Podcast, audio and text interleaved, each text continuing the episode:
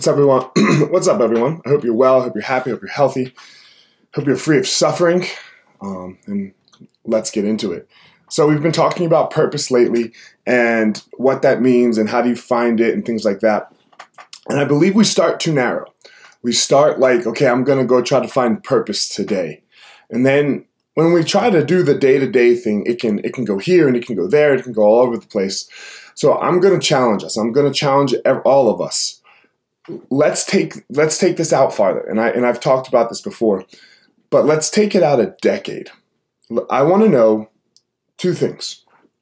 Where do you want to be in your life in 10 years? And more importantly who do excuse me who do you want to be in your life in a decade?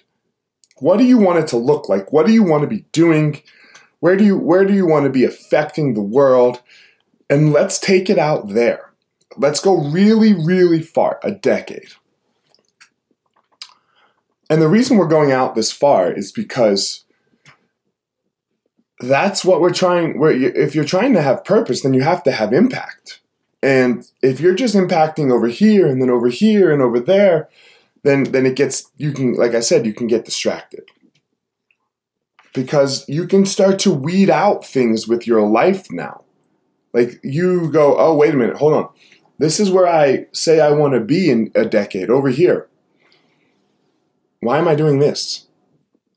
Why, why am I doing something that's over there? Why am I working in this field? Why am I doing this job? Why am I talking to these people? Why am I spending my time here? You know, when over here is up here is where I want to be. It's a it's a it just gets really clear when you start to think about, okay, whoa, whoa, whoa, I don't want to be there. Now, it can get difficult too, though, because a lot of finding purpose, it, it what gets in the way of it are expectations. Let me give you an example. Your family expects you to be something. You expect you to be something. You know, the harder part is the family piece, right? Um, you're first your mom and dad when you're younger, right? If you're 25 years old and listening to this, you know, everyone in your family's a doctor or a lawyer, so you have to be a doctor or a lawyer, and you want nothing to do with doctor and lawyer. You want zero to do with that shit. You know, uh, maybe now, maybe, maybe for you ladies listening, your husband expects you to be a stay-at-home mom and and, and make sure the house is clean and what what man what what you know whatever take care of the kids deal with all the appointments. That those are expectations that you allow other people to be putting on you. For you husbands out there you your family's expecting you to be the breadwinner. You know go to work every day and these are just stereotypical ones. Like these aren't the ones I believe in. You can't find purpose in that shit. You, you have to let them go. You have to let all expectation go and you have to ask yourself, what is it that is going to make me happy? What and that's the where do you want to be? What where do I want my life to look like? Look, for me, mine are right here. I want to be traveling with my boys if they're playing sports. I want to be traveling with Renee with those with, with, with them. I want her to come and she and I spend some extra time. I want five to ten speaking engagements a year, big ones. Okay. I want quarterly uh, retreats like Jocko style muster retreats. I want three big revenue sources. Notice I didn't say uh, profit or income sources, I said revenue sources. I want a successful BJJ competition team for Easton, and I still want to be teaching my classes. That's my 10 year plan. That's what I want to be doing with my life in 10 years. I have a lot of fucking work to do.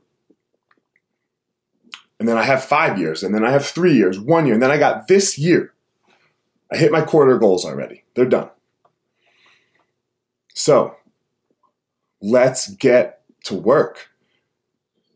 And the first step to this getting to work piece is you have to realize where you want to be. So how so start writing things down. What do you want your life to look like? What do you want it to look like? Do you want to be working like this? Do you if you do, great. Like look, I work on Tuesday and Thursday nights. I still have it on there. I want to still be doing that. But what else do you want to be doing? Do you want to? I mean, I, I don't necessarily want to be working 80 hours a week. I work I work about that right now, 70 to 80. I don't want to do that in 10 years. How am I going to get out of that? That might be more work now. Like my speaking engagements in my three year plan, I'm at like 20. I want 20 speaking engagements because people have to hear you and they have to know about you, right? And then you can start to just narrow that shit down. Like when I first started teaching jujitsu, look, I had to teach private lessons all day, every day. I would wake up at at seven. I'd wake up at six, train at seven from seven till nine, teach private lessons from nine till noon, teach the noon class, eat lunch, teach the kids, uh, eat lunch, train again, teach the kids class, go to work at a bar. I wanted to be a pro fighter. That's what it took. I don't teach like that anymore. I don't. I don't teach private lessons. Don't do it. That's not true. I teach private lessons. I just don't get paid to teach private lessons. I do it differently. Um, but yeah, I, I don't, and I don't teach five classes a day, every day. That's how I used to do it. So I wanted to get really good at teaching as well done. But more work was first. And now I get to do less work in, in that space. So your three and one year goals based on where you want to be in 10 years, it might be more. You might have to go to work now and then come home and work on this thing, whatever this thing is that's going to get you to where you want to be in a decade. It might actually look like more but you better have a clear path of how you're getting to where you want to go. You better have a clear path. And if and where you want to go, it needs to be big. It needs to be, it's, it's called a BHAG, big, hairy, audacious goal. It better scare you a little bit. Like, oh my God, I don't think I can fucking do that. What's that gonna look like? It, it better it better make your asshole tighten up a little bit where you go, oh fuck. Because if it's not, it's not it's not big enough. You'll achieve it. You'll definitely achieve it. You want to wonder if it's achievable. you know? You want to wonder three big revenue sources? Fuck. Can I do that? Can I do it? That's all that's that's that's scary a little bit. And then once you have these laid out, once you know where you want to be, fuck what everyone else thinks fuck it. That's purpose. That's impact. When it when it's when it's you, you know where you want to be and you are going to go get it. And you don't care what what the world thinks. You're not you don't care what your mom thinks and your sister and your dog and your dad and your brother and uh, and anybody else. Let it go. They're not the ones living your life. You're living your life.